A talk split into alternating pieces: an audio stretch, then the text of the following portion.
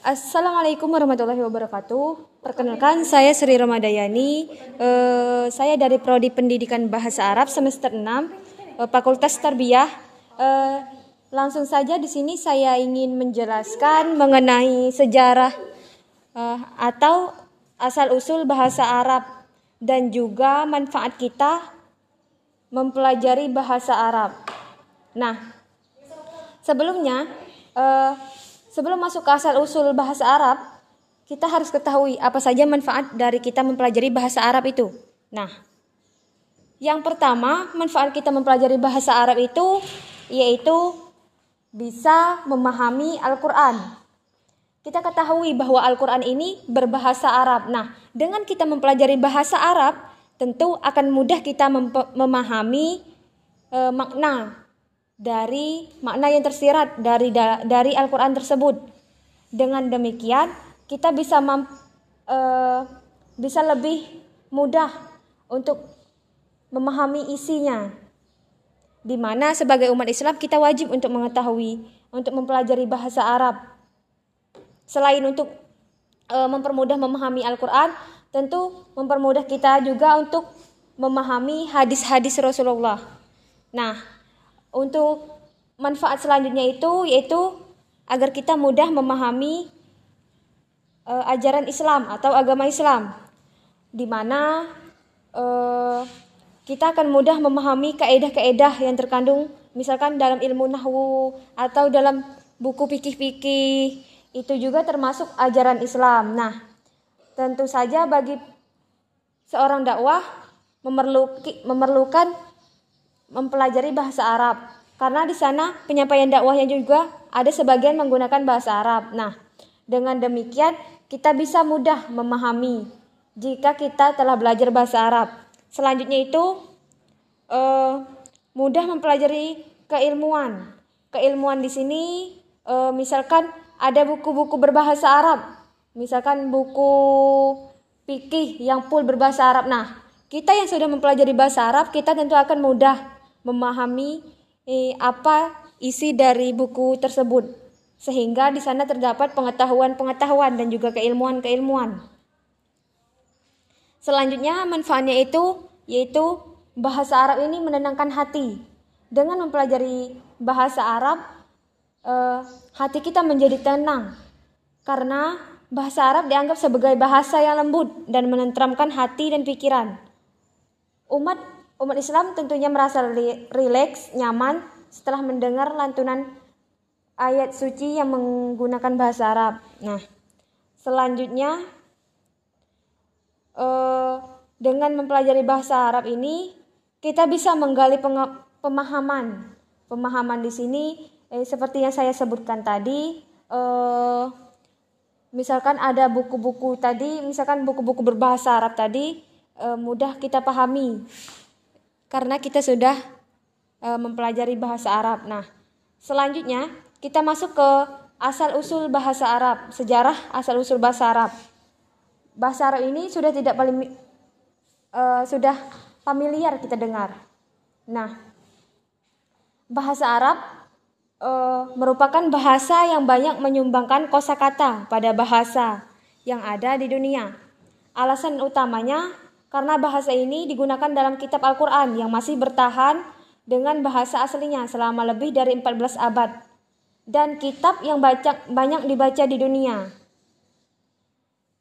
E, seperti contoh buku The King Abdul Aziz Center menerbitkan sebuah buku yang berjudul Arabic in World Language Buku ini menulis bahwa bahasa Arab sangat berpengaruh pada bahasa-bahasa yang masih digunakan saat, saat ini yaitu Spanyol, Italia, Prancis, Inggris, Jerman, Turki, dan juga Indonesia. Bahasa Arab berkembang dari bahasa Aramik yang dahulu banyak digunakan di kawasan Palestina dan digunakan Nabi Ibrahim beserta anak cucunya.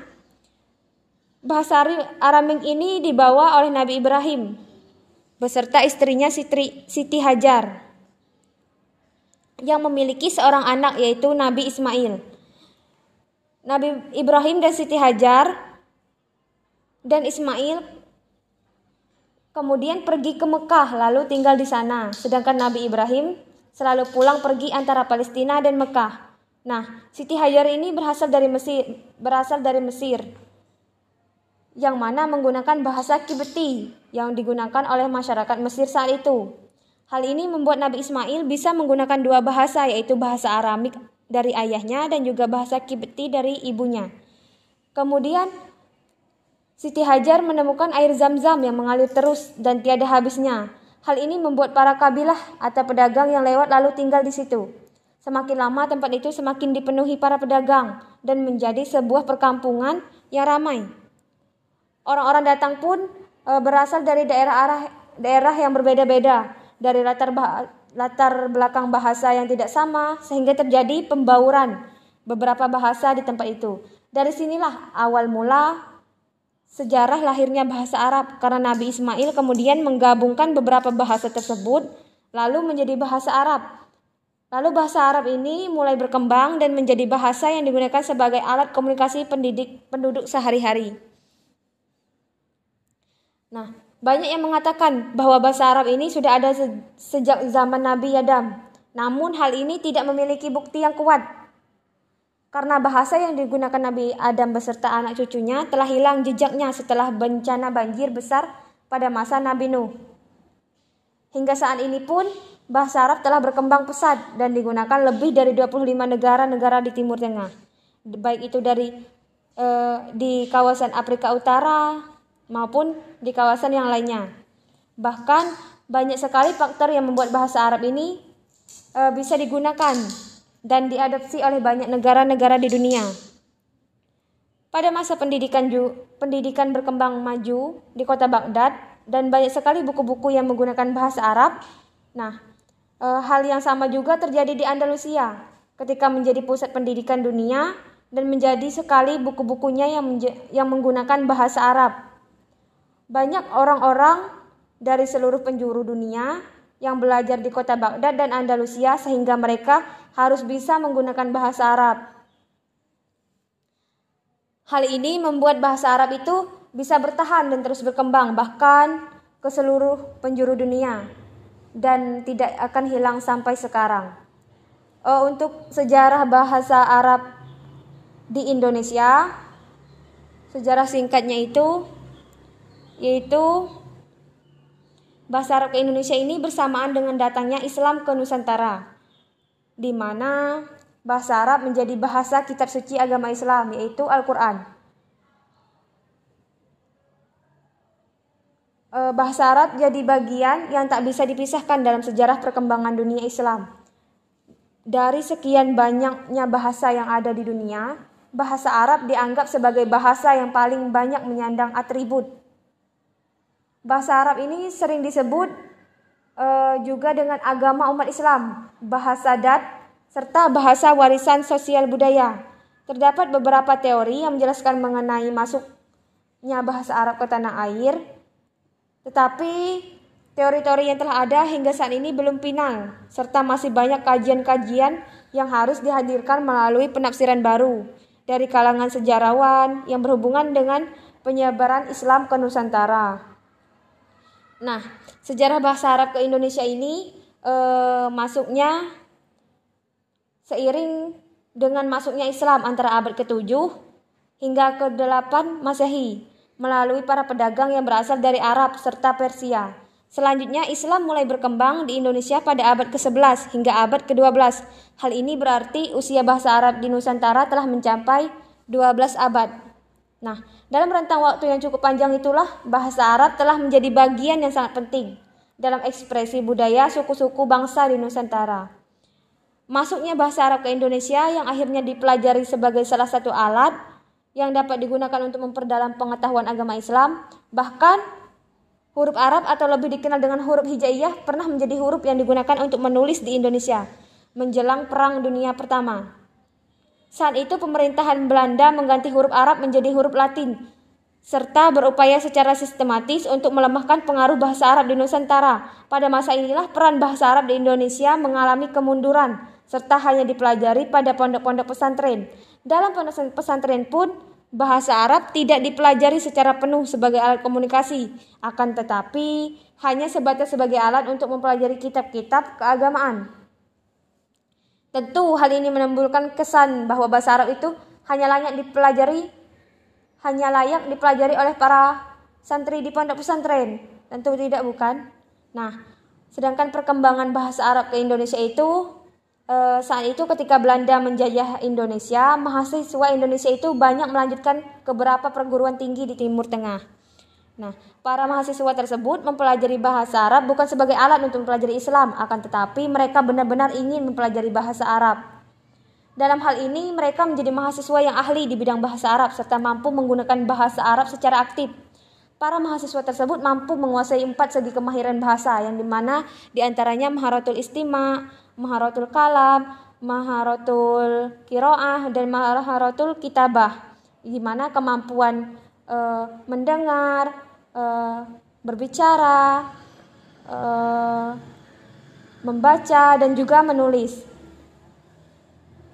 Setelah para mahasiswa belajar di Timur Tengah, mereka kembali ke tanah air. Nah, mereka melakukan pembaharuan metode dalam pengajaran bahasa Arab. Dengan menggunakan metode yang telah diperbaharui tersebut, maka bahasa Arab dapat dikembangkan serta disebarluaskan di Indonesia. Pada akhirnya, mereka berhasil membentuk para ahli bahasa Arab serta menghasilkan alumni yang dapat menggunakan bahasa Arab secara aktif sebagai salah satu alat komunikasi dalam berbagai keperluan. Peran bahasa Arab di Indonesia e, yaitu saat masuknya bahasa Arab ke Indonesia itu hal tersebut memiliki peran penting di mana dalam pembentukan bahasa Indonesia. Ini dikarenakan bahasa Indonesia itu merupakan multibahasa. Keragaman bahasa dapat hadir dengan adanya alih kode pada umumnya, alih kode tersebut dapat menghasilkan pinjaman bahasa. Nah, dari hal tersebut eh, mudah kita lihat dengan hadirnya beragam bahasa asing maupun bahasa daerah di Indonesia. Demikian pula dengan bahasa Arab yang telah lama masuk ke Indonesia melalui para pedagang muslim, musafir, atau para mubalik yang berasal dari Persia, Arab, dan Gujarat. Terkait sejarah bahasa Arab ke Indonesia, diketahui juga eh, bahwa bahasa Indonesia ini tidak hanya mengadopsi istilah-istilah yang berasal dari bahasa Arab saja, tetapi juga aksara Arab atau hijaiyah yang pada akhirnya banyak yang disesuaikan dengan adanya pengucapan lokal. Salah satu bahasa yang menerima pengaruh tersebut dari bahasa Arab tersebut ialah e, bahasa Melayu yang selanjutnya diangkat menjadi bahasa nasional Indonesia. Dalam hal tersebut, dapat kita simpulkan bahwa masuk dan berkembangnya bahasa Arab dimulai sejak masyarakat Indonesia memeluk agama Islam. Nah, masuknya bahasa Arab ke Indonesia ini dipelajari tidak hanya untuk memperdalam pengetahuan agama Islam saja, akan tetapi lebih ke pemahaman bahasa Arab, sehingga menjadikan setiap orang yang mempelajarinya dapat menggunakannya secara lebih aktif. Nah, mungkin hanya itu yang dapat saya sampaikan. E, selebihnya, teman-teman bisa membaca buku sebagai referensi atau tambahan, atau mencari-cari browsing di Google uh, karena zaman sudah semakin canggih eh, teman-teman juga bisa mencari uh, berbagi pengalaman atau bisa sharing-sharing dengan gurunya, dengan dosennya atau dengan ustadz-ustadz ulama-ulama yang mungkin uh, bisa untuk diajak sharing-sharing. Baiklah, cukup sekian dari saya. Terima kasih. Bila taufiq wal hidayah. Wassalamualaikum warahmatullahi wabarakatuh.